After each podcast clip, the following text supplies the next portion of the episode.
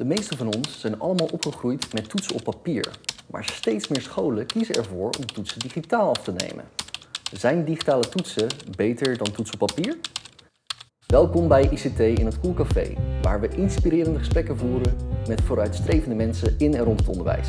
Zodat jij weer verder kunt gaan met onze gezamenlijke missie: het beste uit ICT halen voor jouw onderwijs. Fijn dat je luistert. Mijn naam is Leon de Kanter. Ik ben ICT-consultant bij Cloudwise en nu al meer dan zeven jaar gepassioneerd betrokken bij het onderwijs. Vandaag heb ik als mijn co-host Erik Welp, die meer dan vijf jaar bij Kennisnet heeft gewerkt en daar zich al verdiepte in digitale toetsen, voor hij bij Cloudwise kon werken en daar verder is gaan bouwen. Fijn dat je erbij bent. Ja, graag gedaan. Leuk, hier in uh, België. In België inderdaad. We zitten hier nu uh, op het kantoor bij BookWidgets in Lumen. Uh, in een modern kantoor met ontzettend comfortabele stoelen. Daar ben ik erg blij mee. Um, want deze aflevering hebben we te gast een van de oprichters van BookWidgets, Bart Buddings. Buckings, ja. Buckings, excuses. en Lucie Renard. Ja, hallo. Hallo. Um, hartstikke fijn. Um, ja, die wat meer kunnen vertellen natuurlijk over het platform en daar dus ook helemaal in betrokken zijn. Nou, BookWidgets, voor wie ze niet kennen, uh, is software om online digitale toetsen en oefeningen te maken. En deze kun je vervolgens gebruiken in je huidige elektronische leeromgeving om die te verrijken. En wat hierin opvalt, voor mij in elk geval, is de grote hoeveelheid aan vraagtypen die beschikbaar zijn in jullie systeem. Nou, dat is over de jaren natuurlijk ontzettend gegroeid en um, ik ben eigenlijk benieuwd naar hoe dat ooit ontstaan is. Want ik begreep dat jullie ooit begonnen zijn doordat de partners van de oprichters een pedagogische achtergrond hadden. Ja, dat is ongeveer wel het verhaal. Dus de oprichters Xavier en Niels, uh, beide ingenieurs, dus met een sterke technologische achtergrond, zagen hun kinderen die toen op de leeftijd waren met tablets op de school, op hun schoot thuis werken en zagen hun partners uh, op papier toetsen voor te bereiden. En die dachten, ja, wij zijn ingenieurs, wij kunnen dat verbeteren. En dat is eigenlijk het kernidee geweest van Book Widgets, met altijd de insteek vanuit uh, dat ouders of leerkrachten zelf hun eigen content konden toevoegen aan de oefeningen. Dat is dan helemaal geëvalueerd van een plugin van iBooks Author tot dan het hele platform dat we nu hebben gecreëerd. Dat is de, de start is vandaag gekomen, ja dat klopt. Zoals een typische technologiebedrijf in een kamertje na de uren. Ja, dat is grappig hè, omdat CloudWatch natuurlijk ook een vergelijkbare origine heeft. hey, uh, een, een, aantal met een beetje een achtergrond uh, uit het onderwijs zelf. Uh, wat vragen die specifiek ook nou, speciaal onderwijs waren. Goh, wat gek eigenlijk dat hier nog geen oplossing voor is. Laten we de kop in elkaar steken en daar een oplossing voor maken. En jullie zijn inmiddels in België echt heel erg groot. Ehm, Lucie, ja, ja, dat klopt. Er zijn heel veel scholen die BookWidgets gebruiken, maar ook in het leerplatform dat ze nu gebruiken. En dan, dat maakt de synergie zo goed in België. Ze gaan naar een leerplatform en ze kunnen daar digitale oefeningen maken, digitale toetsen afnemen. En de leerlingen gaan ook gewoon naar die omgeving terug waar dat ze alles kunnen terugvinden.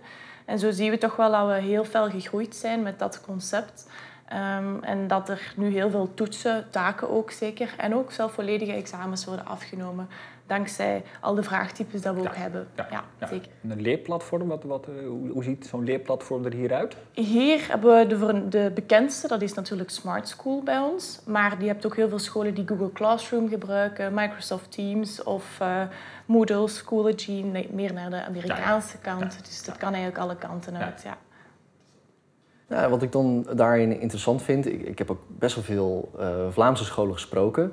En over het algemeen komen die altijd heel conservatief op me over. Dus hoe is het eigenlijk dan gekomen dat jullie zoveel meerwaarde hebben gecreëerd met, een, nou ja, met, met jullie platform? Ja, de, ik denk de kern van de zaak is, is dat wij als bedrijf een redelijke langzame groei hebben gedaan. We hebben eigenlijk altijd gezocht naar de mensen die openstaan voor technologie, die technologie omarmd hebben. En het is van daaruit binnen scholen heel langzaam gegroeid. Een kernteam van een aantal leerkrachten die dan andere leerkrachten beïnvloeden en laten zien.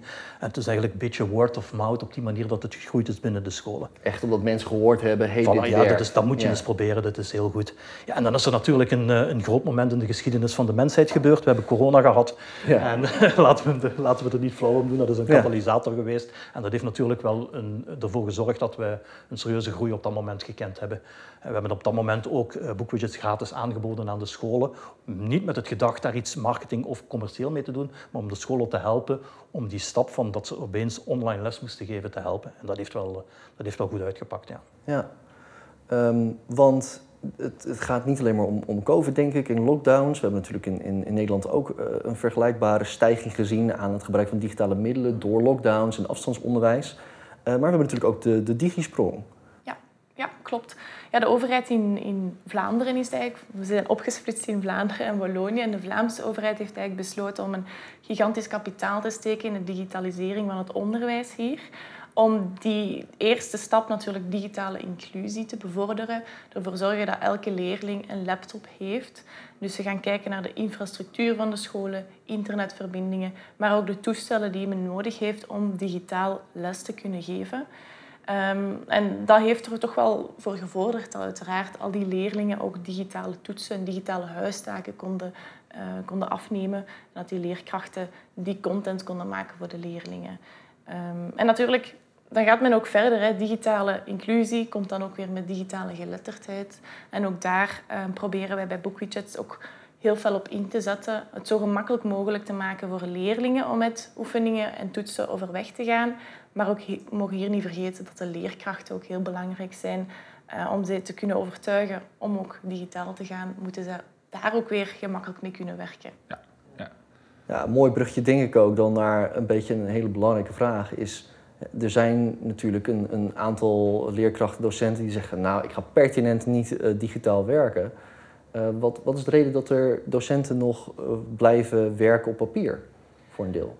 Maar ik denk, een van de redenen is, dat heel veel leerkrachten uh, begrijpen hun verantwoordelijkheid als pedagoog. En weten ook dat ze niet in een proeftuin zitten en willen het juiste doen voor die leerlingen. Ze willen op de juiste manier lesgeven. En als ze dan opeens een hele grote omslag moeten maken naar digitaal, dan kunnen ze misschien het gevoel hebben, ik ben niet meer op de juiste manier aan het lesgeven. En uiteindelijk, de leerling is degene die op dat moment het belangrijkste is met dat perfectionistisch kantje gaan ze zeggen van ja, ik wil het eigenlijk volledig beheersen voordat ik ook maar naar dat digitale ga zetten. En ik beheers mijn stof op het analoge lesgeven. Dat is iets wat ik al zoveel jaren doe. Ik beheers dat goed. Ik ben een goede leerkracht. Waarom zou ik dat moeten veranderen? Dat is ook de boodschap die wij hebben als BookWidget, is dat dat geen dramatische verandering van A naar B moet zijn. Dat is geen zwart-wit verhaal. Er zijn verschillende transities tussen die gemaakt kunnen worden. Je kunt beginnen met een eenvoudig oefeningje en langzaam en langzaam beginnen uit te breiden. Ja. Maar ik denk dat heel veel leerkrachten inderdaad het, eh, soms de indruk hebben van oei, oei, oei, als ik het niet onmiddellijk van de juiste... Als ik het niet juist doe van de eerste keer, ja, dan, dan kan ik het niet meer goed maken en niet meer rechtzetten. En dat is wel een, een, een perceptie die heerst die ik denk niet juist is. Ja. ja. Het is, uh, het is natuurlijk heel erg lastig, want ik, ik denk dat het vrij universeel is. Dat het beroep leerkracht of, of docent, uh, onderwijzer, uh, iets is waar men heel trots op is. Ja. En men wil het inderdaad heel goed doen, ja. voelt zich daar verantwoordelijk voor.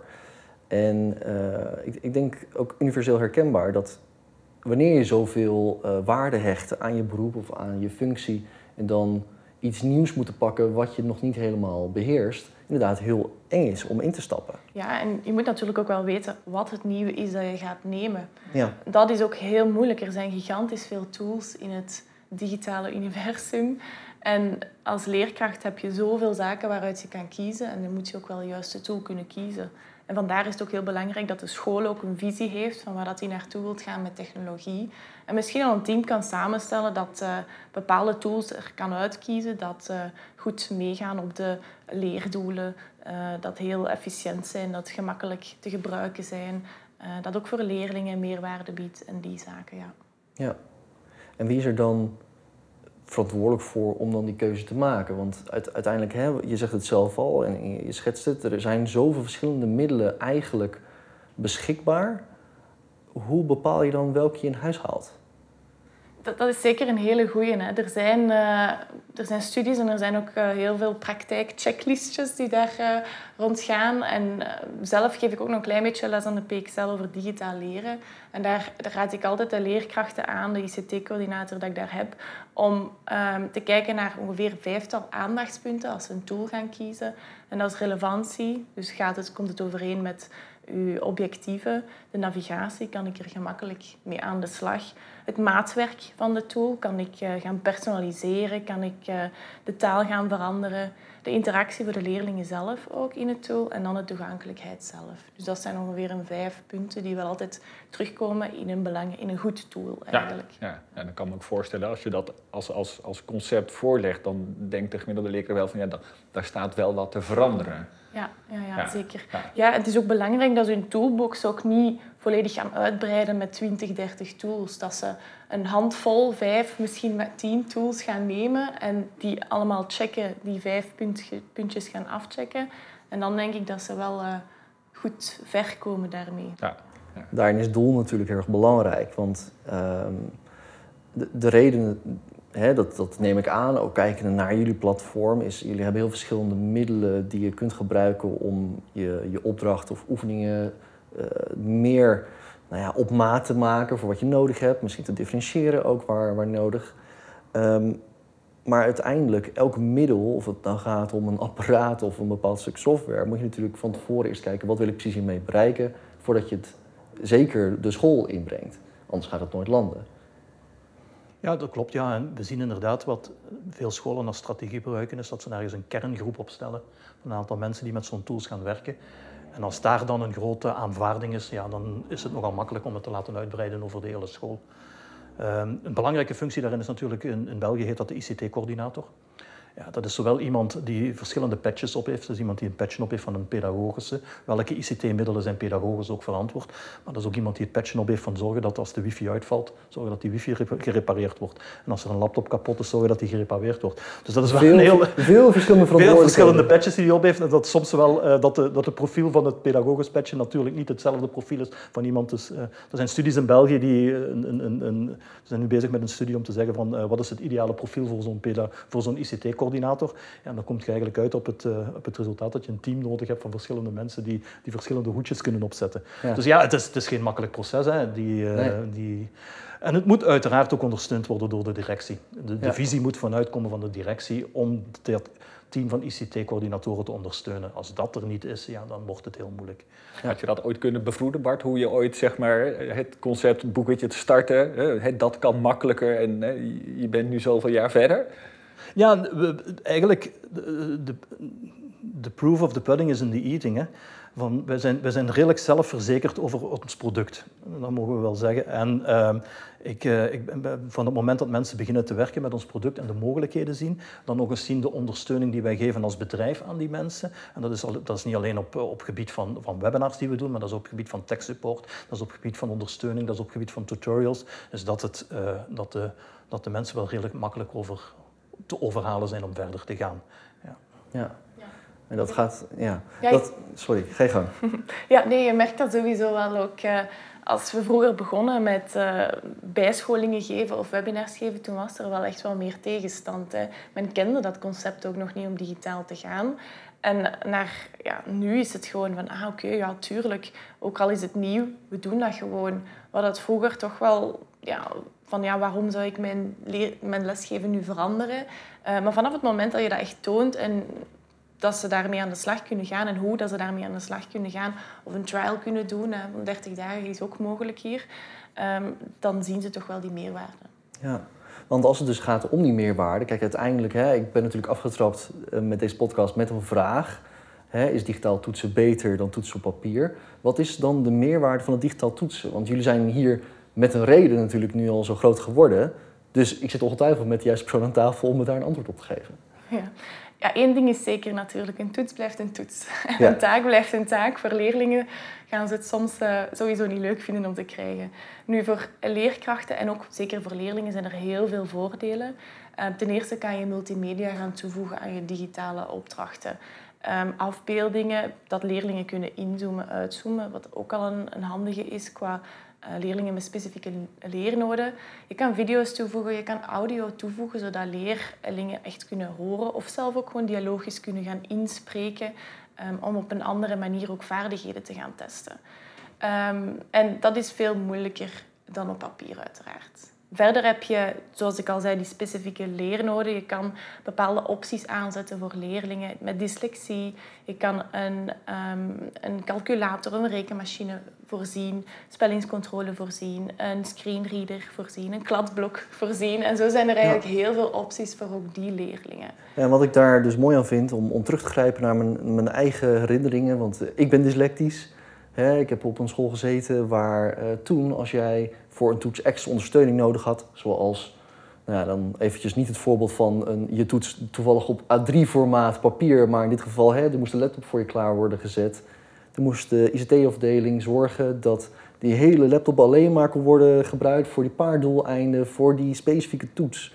Dat is heel veel werk. Terwijl dan hè, horen dat je in één keer het kan klaarzetten in het systeem zelf, zonder dat je je apparaten allemaal opnieuw hoeft in te richten, klinkt in elk geval sowieso als tijdswinst voor iemand die al zoveel verantwoordelijkheden draagt, zoals eh, Bart net aangaf. Ja, ja zeker. Ik denk ook uh, dat het heel gemakkelijk is om een oefening dat je voor, voor je volledige klas klaarzet, in bijvoorbeeld in Google Classroom of een Smart School, ja, die gewoon kan kopiëren en snel die opties voor die ene leerling even aanzet. En iedereen krijgt dezelfde toets, maar enkel die leerling heeft dan toch die hulp. Ja. hulp En hij zit ook gewoon in de klas. Ja, ja, inderdaad. En het is ook niemand dat dat ook die leerling kan gaan aanduiden. Ah ja, die moet naar een ander, die, moet, die heeft die speciale computer of die moet naar een ander, uh, een ander klasje gaan. Dus dat maakt het ook wel qua inclusie ook weer heel veel beter. Hè? Um, nu, om verder te gaan op ja, voordelen. Er zijn er natuurlijk nog. Um, live monitoring is heel handig ook. Dus als leerlingen een toets of een opdracht aan het maken zijn, dat je als leerkracht ook zicht op hebt wat ze aan het doen zijn. Zijn ze bijvoorbeeld wel ingelogd of niet, zodat je um, weet of er leerlingen technische problemen hebben of niet. Leerlingen die gewoon volledig vastzitten, kan je ook hulp gaan bieden. Um, leerlingen die al heel snel klaar zijn, dan zie je ook, ja, die heeft al iets ingediend dus dat betekent dat hij nu niks aan het doen is. Dan kan je die ook weer verder gaan helpen en begeleiden naar extra oefeningen. En uh, na live monitoring komt natuurlijk het feit dat de leerlingen het gaan indienen en dan heb je de automatische verbeteringen. En ik denk dat dat voor leerkrachten een hele grote meerwaarde is, uiteraard. Dat je nadien veel minder werk moet besteden aan verbeteren en je kan veel meer en efficiënter werk besteden aan feedback geven. Persoonlijke feedback, Ehm, waar je ook weer kan kiezen welke feedback welke leerling gaat krijgen. Ja, mooi. Ja, je gaf in het voorspraak ook aan het stukje data die eruit voortkomt. Het, het, goed kunnen interpreteren van die data. Hoe, hoe zit dat? Ja, um, bij ons krijgen, ze, krijgen de leerlingen meteen statistieken over hun vragen. Dus je hebt een, een quiz of een examen met tien vragen. En per, vraag wordt het gemiddelde van, van, de, alle, van de volledige klas eigenlijk berekend op die vraag. En dan ga je meteen zien van ja, vraag nummer 7 heeft minder dan een gemiddelde van minder dan 40 procent. Dat betekent dat mijn leerlingen die vraag niet goed begrijpen. En dan kan ik eigenlijk gewoon volgende les daar terug op inpikken en ervoor zorgen dat ze toch wel die, die moeilijkere vragen, die moeilijkere concepten, um, dat ze die dan wel gaan begrijpen. Ja, ja ik vind daar een, uh, twee elementen heel mooi die, uh, die je noemt, die denk ik ook heel belangrijk zijn. Um, en, en dat, dat, ik weet dat Erik daar ook uh, op, op inging in het voorsprek. Uh, het, het kunnen toetsen van andere type vaardigheden dan wat je kan doen op papier. Denk je bij aan presentatievaardigheden, spreekvaardigheid.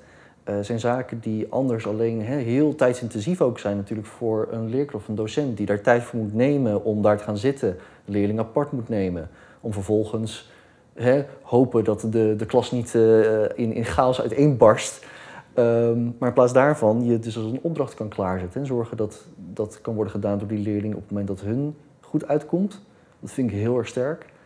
Um, ja, de misvatting die dikwijls over digitaal toetsen gaat, dus dat zijn altijd multiple choice vragen. Ja. Nee, een digitaal toets kan juist veel rijker zijn dan een analoge toets of een toets op papier. Terwijl dikwijls de perceptie is van ja, oké, dan hang ik vast aan multiple choice vragen. Dan ben ik beperkt in wat ik kan vragen. Nee, in tegendeel. Ja, er is, er is veel meer mogelijk. Er is veel meer mogelijk, ja, inderdaad. Want ja. uiteraard, hè, multiple choice vragen handmatig laten nakijken is veel makkelijker. En Echt, er kunnen ook goede examens opgesteld worden door multiple choice vragen, maar Absoluut. dat is, eh, dat is het punt niet. Dat is net het maar, punt maar het is niet te beperken tot, tot Nee. dat. Ja. Ja, ik denk hier, we hebben 35 vraagtypes en als ik goed tel, zijn er 29 die wel automatisch verbeterd worden. Dus Ja. niet alleen maar die multiple choice vraag, Ja. maar met de rest kan je echt wel heel veel ook gaan doen en heel veel tijd besparen. Ja, je open vragen wilt stellen, dat zit er even goed in. Precies. En het, en het mooie is natuurlijk dat uiteindelijk kijken we allemaal naar, en, en dat krijgen we allemaal terug, die werkdruk van die leerkrachten, die docenten. Die zijn allemaal maar druk bezig met dat takenpakket wat steeds verder uitbreidt. En ik persoonlijk zie daar als enige oplossing ook voor een bepaalde vorm van automatisatie. Dus op het moment dat jij het kunnen nakijken, al is het maar van, laten zeggen, de helft of driekwart van je toets automatisch kan laten gebeuren, dan is dat tijdswinst netto voor jou, voor jouw docent. Die dat dan ook niet hoeft te doen. En zoals Lucie al aangaf, dan kun je je richten op specifieke feedback en dergelijke. Lijkt me een hartstikke, goed, eh, hartstikke goede zaak. Als we dan kijken naar ehm, die, die misconcepties en, en die meerwaarde. Erik die gaf net aan, ja, inzicht ook. Ehm, kijk, normaal gesproken is het dus zo dat jij eh, natuurlijk je, je cijfers moet je natuurlijk ook met een papieren toets in je administratiesysteem zetten. Dat zal niet verdwijnen, tenzij er op een gegeven moment koppelingen komen. Maar ehm, dat overzicht, en dat wil ik wel aanhalen, per vraag waar leerlingen tegenaan lopen, is niet iets wat je gaat onthouden als jij door een stapel van 60 papieren heen bent gewerkt.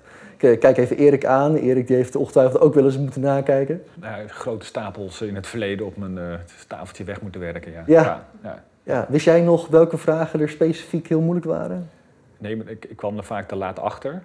Ik, ik maakte slechte vragen als, als docent in het begin. Eh, Vragen waarvan ik dacht van nou, dan doe ik een beroep op hogere ja, denkvaardigheden, het kunnen oplossen van problemen.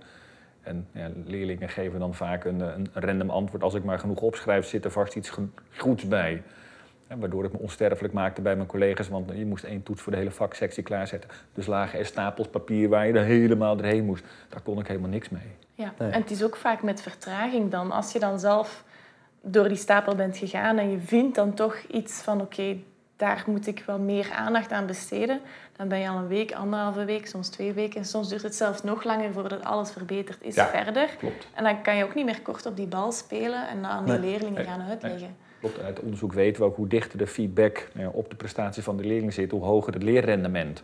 Dus moet je twee weken wachten nou ja, tot, je, tot je uitslag of je score of de, de, de feedback, ja, dan ben je al lang vergeten. Zeker in een, eh, mensenleven van, van iemand van 14, 15 jaar. Ja, zeker. Nou ja, en er is dus al wel, als we kijken natuurlijk naar de afgelopen pak bij vijf jaar, is al heel veel veranderd. Laten we wel wezen, van, van, van waar we vandaan zijn gekomen, waarbij er vrijwel niets was eh, aan, aan digitale middelen die je dan zelf kon inzetten in de klas en die redelijk flexibel waren, naar het punt waar we nu mee zijn. Met jullie denk ik als geweldig voorbeeld met boekwidgets, is natuurlijk al heel erg ver. Hoe zien jullie dat, die, die, zien jullie daar nog een groei in over vijf jaar? Wat, wat zal er dan zijn als het gaat om digitale toetsen? Zijn daar grote veranderingen? Ik denk de trend is ingezet en de trend zal verder gaan. Maar zeker als we gaan kijken naar, eh, zeker in België in universiteiten, is het digitaal toetsen heel normaal geworden. Ehm, en ik denk dat zich dat gaat vertalen in de secundaire scholen ook. Dus dat gaat zich wel verder strekken. Zeker als we ehm, de, alle voordelen die Lucie juist heeft aangehaald, als die voordelen meer en meer naar boven gaan komen, ja, dan gaat zich dat zeker doortrekken. Er zal altijd wel een vorm van mondelinge examens moeten blijven. Eh, dat kan bijna niet anders. Eh, maar of het nu op papier wordt ingevuld in een of eh, dat, dat denk ik op zich niet zoveel. Dan gaan de voordelen meer doorwegen dan, dan de nadelen. Ik denk wel dat dat een trend is die door gaat gaan. Ja. Gaan de papieren toetsen helemaal verdwijnen? Nee. Nee, dat denk ik niet. Nee. Het, is ook, het, is niet, het is niet nodig om, al, om alleen maar digitaal te gaan. Hè. Ik denk dat het ook wel gewoon ook soms nog handig is. Ik denk schrijven, sommige vaardigheden, ja, die moeten sowieso nog wel op papier worden afgenomen. Maar een ideale combo vinden en zeker ook wel als men kennis gaat testen en een klein deel van die vaardigheden, dan kan men heel gemakkelijk digitaal overgaan en, en daar toch wel meer die voordelen van uit gaan putten. Eh, maar volledig vervangen, dat is ook niet echt iets wat wij bij Bookwidgets hebben gezegd. Van ja, het is alleen maar digitaal toetsen. Je moet met Bookwidgets werken, je moet met Bookwidgets oefeningen maken. Nee, dat kiest je als leerkracht ook een beetje zelf. welke combinatie voor u het beste is. Ehm, en leerkrachten zullen ook wel ontdekken welke voordelen boekwidgets Ja. en digitaal toetsen met zich mee willen, Ja. zullen brengen. Nou ja, om dan, eh, dan ga ik mijn best doen om de vraag te beantwoorden die ik zelf gesteld heb aan het begin van de aflevering. Hè, is eh, het eh, digitaal toetsen beter dan toetsen papier? Uiteindelijk zijn we niet zo ver gekomen als toetsenpapier niet had gewerkt. Maar met de mogelijkheden die nu tot onze beschikking zijn, zijn er gewoon nieuwe handvatten of nieuwe middelen die een leerkracht helpen ontzorgen of extra materie kunnen aanbieden aan leerlingen. En waarbij we nieuwe type vaardigheden kunnen toetsen. Waarbij we beter inzicht krijgen in het leerproces van die leerling. En dus ook beter feedback kunnen geven op basis van de behoeften die er spelen. En dat vind ik hele sterke zaken die wij anders niet zouden hebben met inderdaad alleen maar doorgaan op papieren toetsen. Dus die ontwikkeling nou, zal zich ongetwijfeld voortzetten. En dan zullen we zien over vijf jaar of het inderdaad beter is of niet. Dan wil ik jullie nou heel erg bedanken, Bart en Lucie, dat we hier mochten langskomen voor deze podcast. Met heel veel plezier. Ja? Dankjewel. Ja, en Erik natuurlijk, zoals altijd. Dan doen we dit om vijf, over vijf jaar terug. Over vijf jaar doen we het gewoon nog een keer. Precies. Om te zien of we gelijk hadden. Ja. Erik, dankjewel weer. Het was mij vandaag goed.